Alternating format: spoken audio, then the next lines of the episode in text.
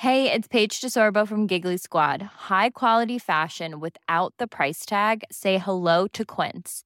I'm snagging high-end essentials like cozy cashmere sweaters, sleek leather jackets, fine jewelry, and so much more. With Quince being 50 to 80% less than similar brands. And they partner with factories that prioritize safe, ethical, and responsible manufacturing. I love that. Luxury quality within reach. Go to quince.com slash style to get free shipping and 365 day returns on your next order. Quince.com slash style. Hej och välkomna till Mardrömmarnas podd. Detta är det tredje sommaravsnittet och idag så kommer jag, Alisa, att läsa upp en creepypasta. Denna berättelsen heter Wrapped in Ribbon och kommer från creepypasta.com och är skriven av Queen of the Moths. Så nu kör vi igång.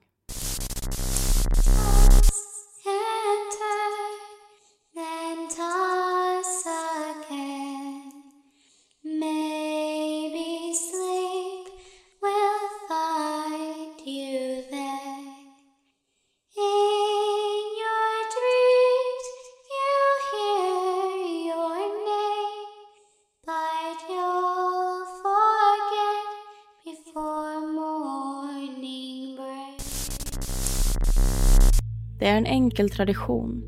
Varje natt får du en gåva under den veckan då höstdagjämningen infaller och du måste då lämna en blomma i utbyte. Detta var i alla fall vad min syster Kate berättade för mig när jag åkte för att besöka henne sent i september. Hon hade bott i en liten by i Panama i sex månader och hon hade redan snappat upp på en del av de vidskepelser som gick runt i staden. Den första natten jag var där la jag märke till att varje veranda hade brickor i mässing utplacerade och varje bricka hade en bukett med blommor knutna med gamla och slitna snören. De flesta var röda. Eller ja, det såg i alla fall ut som att de en gång i tiden hade varit det. Det fanns dock några blå snören lite var som. Jag var den som frågade om det och då började min syster intensivt berätta om Las Malvadas som lätt kan översättas till gallringen av själar. Jag fortsatte att lyssna artigt men ville inget hellre än att berätta för henne om hur otroligt löjlig hon lät. När vi bodde i Michigan hade hon inte varit den lättlurade typen. Vi är båda två intresserade av spöken och onda andar men samtidigt vetat att det inte varit på riktigt. Åtminstone så gjorde vi det. Hela denna grejen gjorde mig rätt obekväm. Bara den delen om hur övertygad hon var. Men i slutet av dagen kände jag att det ändå var rätt harmlöst. Så jag hjälpte till att plocka blommor den kvällen för att binda och lägga ut. Den morgonen stod en liten figur placerad utanför dörren, bunden i ett annat snöre. Min syster var lättad att se att snöret fortfarande var rött. Men hon ignorerar mig när jag frågar om vad det betydde ifall snöret skulle ha en annan färg. Vid det laget tyckte jag faktiskt att denna traditionen var ganska gullig.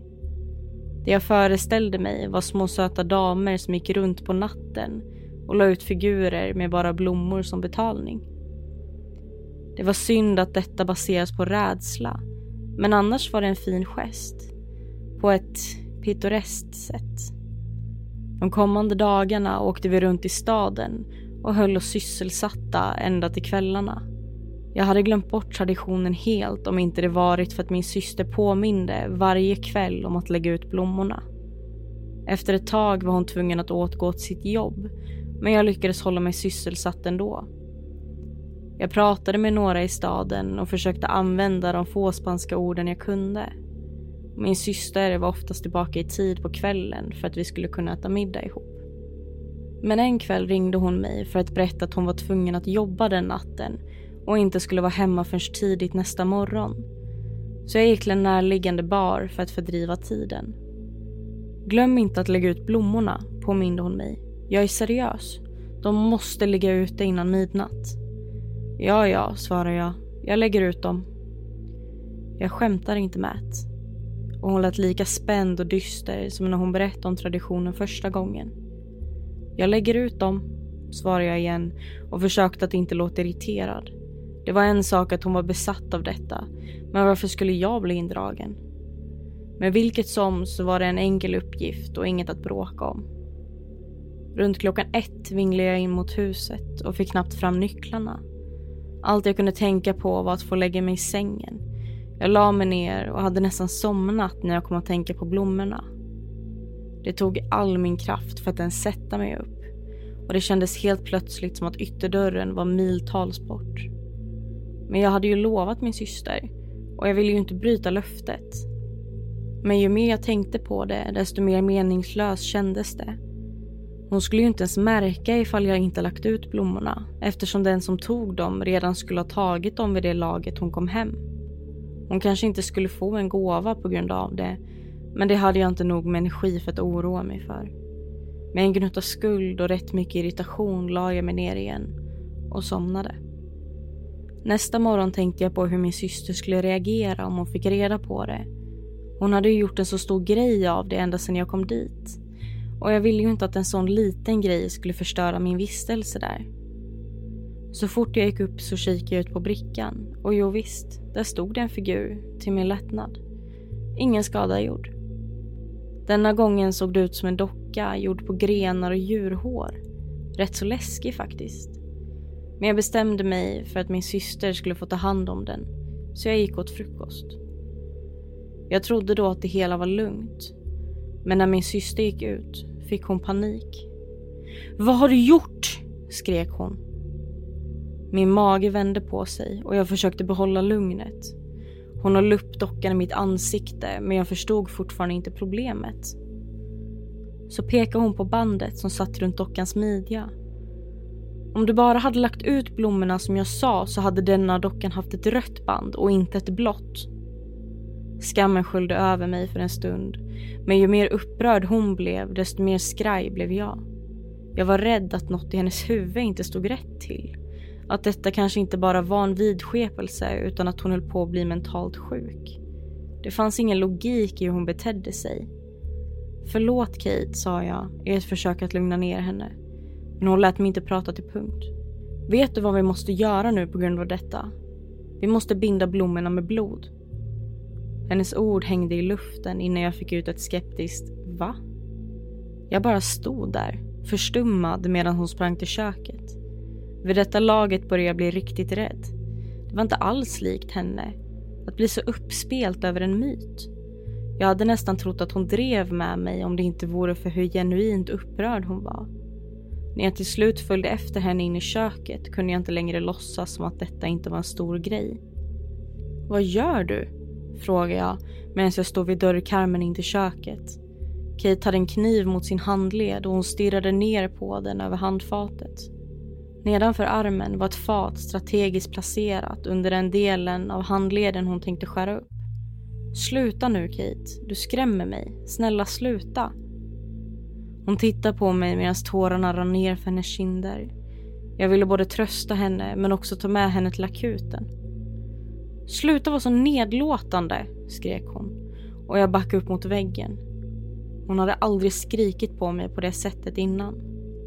Kate vände sig tillbaka mot handfatet och torkade sina tårar med armen.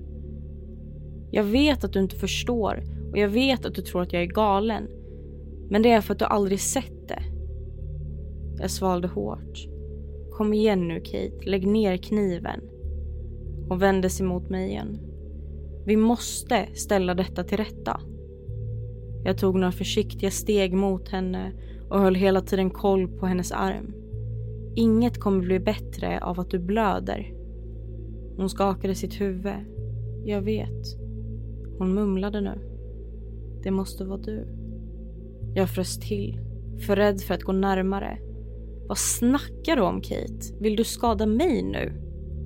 Nej, skrek hon. Jag vill inte skada dig. Jag vill skydda dig. Och jag trodde för en stund att jag kunde skydda dig genom att göra detta själv. Men innerst inne vet jag att det inte är sant.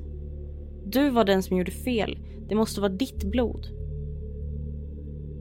Vänta lite nu, sa jag och backade ytterligare några steg.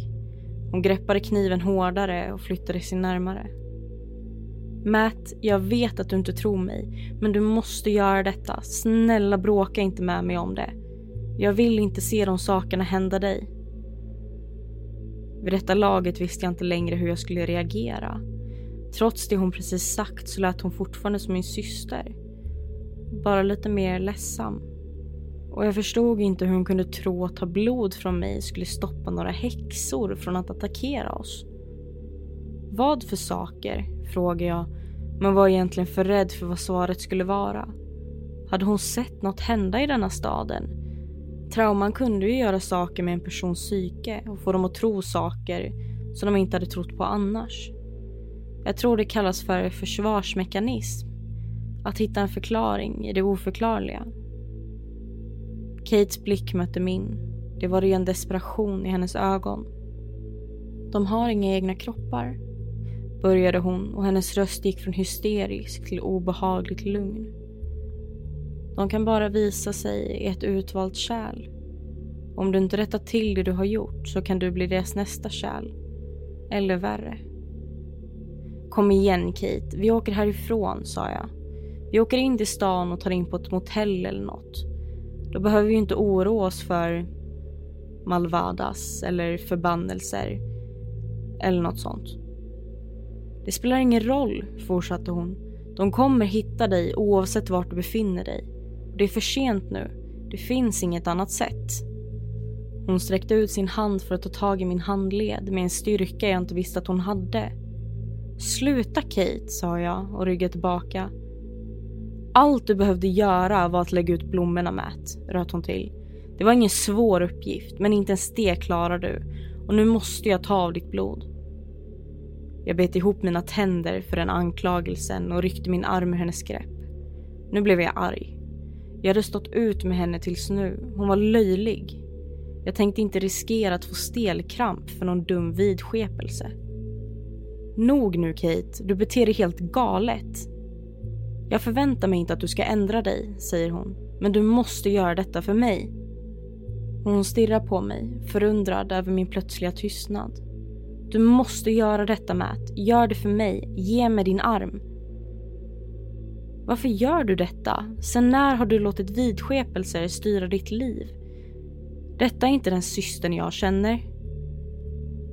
Du kommer inte ha någon syster kvar imorgon om du inte ger mig din himla arm. Det blev tyst i rummet. Trots att hon inte flyttade på sig kunde jag se en glimt av ånger i hennes ögon. Insikten av att det hon sagt varit utav ilska och rädsla. Mina ögon brände och min syn blev suddig. Vad är det du menar? Skulle du seriöst bryta kontakten med mig på grund av denna skiten? Säger jag genom ihoppressade tänder. Kate tittade inte längre på mig. Ilska bubblade upp inom mig. Visst, röt jag till. Om du vill bryta kontakten med mig för dina idiotiska vidskepelser så gör det. Tydligen är det inte mer. Kate tog tag om min handled igen och innan jag hann svara min mening så skar hon strax nedanför handleden. Lämnade ett ytligt men svidande sår. Herregud Kate, skrek jag medan jag tog tag i min arm och vek mig av smärta. Du skar mig. Jag kan inte fatta att du verkligen gjorde det. Förlåt, säger hon medan hon tar fatet och låter mitt blod rinna ner. Det rann ner mellan mina fingrar tills hon ställer ifrån sig fatet och ger mig en trasa. Sätt lite tryck på det, sa hon med en ton som var helt besegrad. Vilket överraskade mig med tanke på att hon precis fått det hon ville på min bekostnad. Vad i helvete Kate, säger jag med en mycket lugnare ton och med gråten i halsen. Hon vände sig om och gick ur rummet, på väg mot bakgården. Antagligen för att plocka blommor. Jag stannade kvar där jag stod en lång stund och försökte stoppa blödningen. Jag känner bara smärta. Till slut hade Kate bundit blommorna och kom tillbaka för att plåstra om mig. Från den stunden hängde tystnaden över oss. Kate verkade vara sig själv igen, förmodligen lättad. Jag kunde inte se henne i ögonen. Jag kände mig bedragen. Och än en gång funderade jag över att ta med henne till akuten. Men jag var rädd att hon skulle attackera mig igen. Och jag skulle inte kunna hantera det. När Kate till slut sa något till mig var det för att säga att hon skulle sova hos en vän den natten. Hon kände att vi behövde tid ifrån varandra vilket jag var väldigt tacksam för eftersom jag inte riktigt trivdes i hennes sällskap för tillfället. Kate gick ut utan att säga hejdå och jag spenderade resten av natten genom att titta på TV och kolla runt lite på datorn. Men jag kunde inte få det Kate hade sagt och gjort ur mitt huvud. Och jag funderade ett tag på att gå tillbaka till baren för att dränka mina tankar. Men med tanke på att det var mitt berusade jag som hade skapat denna konflikten från början så kände jag inte för att testa min lycka. Min ilska mot Kate bytte snart ut mot oro för henne. Jag visste inte hur vi skulle lösa detta. Fanns det något sätt att komma tillbaka efter en sån här händelse? Jag gick mot köket för att hämta ett glas vatten och när jag gick genom vardagsrummet så såg jag någon stå tvärs över gatan. Helt stilla. Jag ska erkänna att min första reaktion var att emotionellt kissa på mig. Ett stumt ovilligt ljud kom från min mun som om jag blivit slagen i magen. Till slut närmade jag mig fönstret och tittade ut. Gatulamporna var starka nog för att jag skulle kunna se att det var en gammal dam, helt klädd i svart, som stod där. Men det enda jag kunde se av henne var siluetten. Dock så utmärkte sig klänningen. Hon hade många tunga ringar och armband på armarna och händerna. Kedjor hängde från hennes hals. Kläderna var så långa att de släpade på marken. Över huvudet bar hon en scarf som dolde större delen av hennes ansiktsdrag. Men när hon sakta vände på sig kunde jag synligt se hennes röda, läderaktiga ansikte. Jaha ja, så malvaderna har anlänt, sa jag för mig själv med ett mörkt skratt. En del av mig ville gå ut och konfrontera kvinnan, som om det var hennes fel att min syster höll på att tappa det helt. Men istället stod jag kvar och iakttog medan hon gick ner för gatan. Hon stod stilla ett tag innan hon tittade sig omkring och till slut tog upp något ur fickan. En gåva, troligtvis, och det blir klargjort när hon plockar upp blommorna för att ställa dit figuren. Just då önskade jag att min syster hade kunnat se det som pågick. Jag ville ju att hon skulle konfrontera det som hon hade byggt upp i sitt huvud. Så att hon skulle kunna komma till insikt att den rädslan hon byggt upp var irrationell. Att det helt enkelt bara var en liten dam som bytte blommorna mot en gåva och sen gick iväg ut i natten utan att se sig om. Dock gick hon bara till det huset och jag undrar om hon skulle komma tillbaka för att ta resten av blommorna eller så kanske det var flera stycken som var inblandade i detta. Jag släckte lamporna i vardagsrummet för att inte skrämmas om det eventuellt skulle komma en ny dam och plocka blommor här. Jag var fortfarande bitter över det som hänt med Kate och jag ville inte att vårt bråk skulle förvärras. Resten av kvällen så latade jag mig och njöt av egentiden. Det var skönt tills det blev midnatt. Jag märkte då att det blivit onaturligt tyst. Inga ljud från syrsorna, inga ljud från staden. Jag blev rätt obekväm av tystnaden. Men det fick mig ändå att slappna av och jag dök ner i en novell jag höll på att läsa då. Och ett tag höll jag till och med på att somna med boken i handen. En plötslig smäll skar igenom tystnaden och fick mig att hoppa upp ur soffan av ren reflex.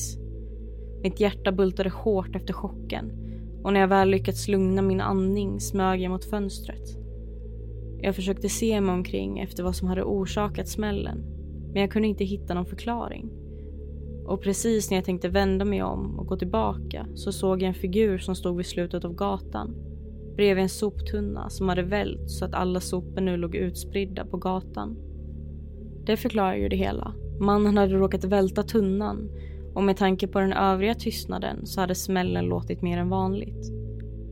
Jag iakttog mannen en stund medan han vinglade där han stod med en uppsvälld siluett. Han var stor med en enorm mage och var bredare än vad han var lång. Helt dyngrak antog jag. Han stod där i mörkret ett bra tag vinglandes fram och tillbaka tills han tog ett ostadigt steg mot trottoaren. Jag lade nu märke till att nästan alla gatlampor hade släckts. Men månen var stark nog för att lysa upp mannens väg. Han gick från veranda till veranda och det såg ut som att han plockade blommorna men la ingenting i utbyte. Shit, tänkte jag för mig själv. Väldigt många kommer vara sura imorgon och jag undrar varför blodbad detta skulle sluta i. När mannen närmade sig min systers hus frös jag till och duckade snabbt ner bakom gardinerna. Han tittade runt och huvudet ryckte på ett skumt och onaturligt sätt. Mannen gick då tillbaka till den verandan han nyss befunnit sig på och gatljusen tänds i tid för att jag ska kunna se hur mannen kaskadspyr. Min mage vände på sig och jag blev spyfärdig själv. Men jag såg då att det inte var något vanligt som kom ur honom utan han spydde blod. Tjockt, tungt och till synes ändlösa mängder blod. Jag la min ena hand över munnen medan jag såg hur mannen gick mot dörren. Han smetade en blodig hand på den och lämnade ett tjockt rött streck efter sig. Sen sträckte han sig mot dörrhandtaget och började rycka. En, två och tre gånger innan han lyfte båda sina händer och började banka på dörren så hårt han bara kunde. Han slog sina nävar mot dörren helt utom sig och med ett vansinne. Det var i den stunden jag insåg att jag borde ringa polisen. Om inget annat behövde ju denna mannen i alla fall komma till sjukhuset. Jag gick för att ringa 112 men då kom jag att tänka på att det kanske inte var samma nummer i Panama. Frustrerad försökte jag leta fram det på telefonen och då drog mannen till sig min uppmärksamhet igen. Han hade vandrat iväg från verandan och det såg ut som att han krampade ute på gatan. De ljuden han gav ifrån sig var djurliknande och jag kunde inte längre röra på mig. Jag kunde inte titta bort. Jag såg hur mannen föll ner på sina knän och kastade sig bakåt. Fortfarande på knäna vred han på sig tills axlarna nuddade gatan och magen pekade rakt upp. Hans kropp hade böjt så hastigt att det såg ut som att han hade gått av på två. Det var då jag såg rörelsen. Det gick inte riktigt att urskilja först, men jag kunde se hur något rörde sig under mannens hud. Något var i hans mage. Jag ville titta bort, men jag kunde bara inte. Fast i min egen rädsla och fascination. Det som rörde sig under hans hud tryckte hårdare och jag såg hur huden började bli förvrängd medan något försökte ta sig igenom. Det påminde lite om hur en ballong ser ut när man försöker blåsa upp den så mycket det bara går och tunn nog för att se igenom den. Pressa den till bristningsgränsen. Då sprack huden. En arm sköt upp i höjden ur mannens mage. Han fortsatte att krampa under tiden andra sidan av hans mage sprack upp då en annan arm for ut och spretade sina fingrar i nattluften. Handen letade sig då tillbaka och slet upp resten av huden som fanns kvar med sina långa naglar. Ut kom ett huvud med tjockt hår som sen följdes av en tunn och krokig kropp. Det ångade ur mannens kropp medan varelsen reste sig upp ur honom. Hans organ rann ut på gatan och nu stod varelsen upp, blek och naken, riktad mot ett annat hus. Jag kunde se att det var en kvinna som hade krypit ur mannen. Eller ja, det liknade i alla fall en kvinna. Som om en person skulle designa en kvinna som aldrig hade sett någon tidigare. Hon stod där, ungefär en meter lång och med en böjd rygg. Hennes hud hängde från benen och det var förvånansvärt nog knappt några inälvor på henne trots det stället hon kommit fram ifrån. Mannen låg fortfarande och ryckte där på marken i en hög av sina egna inälvor. Medan kvinnan, den malvärda, närmade sig huset. Jag kunde inte se hennes ansikte och jag kunde knappt se vad hon höll på med. Men det jag kunde se var hennes deformerade och ryckiga rörelser medan hon rörde sig precis vid husets ytterväggar. Hon lutade sitt huvud mot trät och höll sina armar utsträckta precis under ett stängt fönster som om hon kramade huset. Mitt hjärta slog så hårt och högt nu som om hon hade gjort ett ljud ifrån sig hade jag inte hört det. Jag kollade, kollade när hon sträckte ut sina armar onaturligt långt. Kollade när hon började glida in i en spricka vid fönstret. Och kollade medan hon försvann in helt i huset. Samma sekund som jag inte kunde se henne längre ringde jag. Min spanska var ringrostig men jag försökte mitt bästa för att beskriva vad jag hade sett. Och kvinnan i telefonen lovade mig att polisen strax skulle vara på plats. Jag sprang runt i huset för att dubbelkolla att alla dörrar och fönster var låsta. Inte för att det skulle spela någon roll. Inget lås kunde hålla henne ute. Jag svalde ner gallan som var i min hals och låste in mig på badrummet.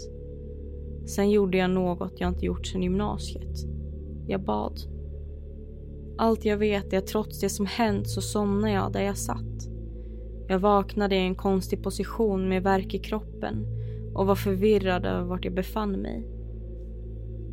När jag kom ut ur badrummet såg jag att klockan var sex på morgonen. Om polisen hade varit här tidigare så hade jag inte hört dem. Men jag kunde se blåljusen utanför fönstret. Jag ringde min syster och hon kom hem cirka en timme senare. Vi pratade inte om vårt tidigare bråk och vi sa egentligen ingenting alls. Vi stod bara med resten av grannarna och tittade på medan polisen spärrade av huset och bar ut flera liksäckar. Mord, viskade en kvinna på spanska. Hon och hennes vän pratade för snabbt för att jag skulle kunna förstå vad de pratade om. Men jag lyckades snappa upp några ord. Familjen som bodde i det huset hade blivit brutalt mördade. Men det fanns inga bevis för varför det hade skett. Bland folkmassan kunde jag se den gamla kvinnan från igår stå och prata med folk från byn. Hon var tydligen bara en överdrivet uppmärksamhetssökande dam ifrån byn. Inte alls en häxa. Bara en dålig granne helt enkelt. Men jag kommer nog aldrig få reda på vad hon egentligen gjorde ute den kvällen. Jag åkte en dag tidigare än tänkt och min syster argumenterade inte emot det beslutet. Trots allt som skett så kramade vi varandra och sa jag älskar dig. Flyget hem kändes längre än vanligt.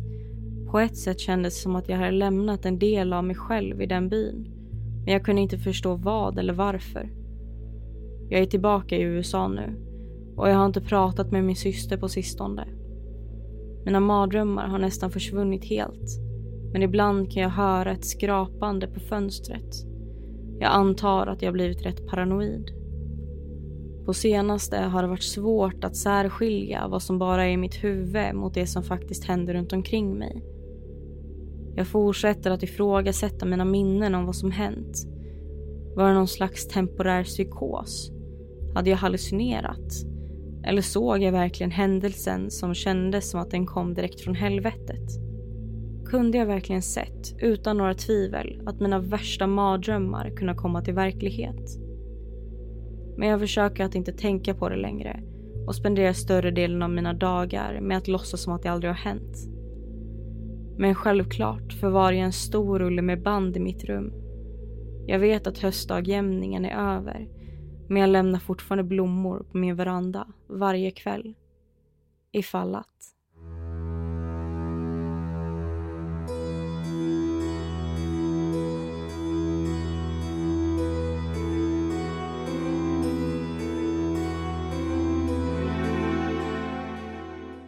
Det var allt för det här sommaravsnittet och tack så mycket för att ni har lyssnat. Nästa torsdag kommer Julia tillbaka med ett nytt avsnitt.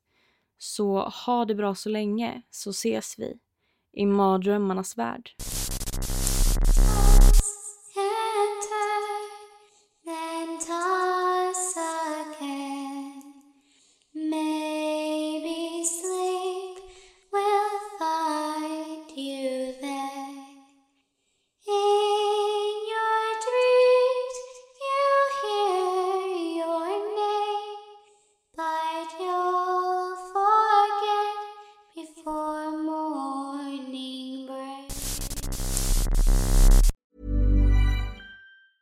Planning for your next trip? Elevate your travel style with Quince. Quince has all the jet setting essentials you'll want for your next getaway, like European linen, premium luggage options, buttery soft Italian leather bags, and so much more. And is all priced at 50 to 80% less than similar brands. Plus, Quince only works with factories that use safe and ethical manufacturing practices. Pack your bags with high-quality essentials you'll be wearing for vacations to come with Quince. Go to quince.com slash pack for free shipping and 365-day returns.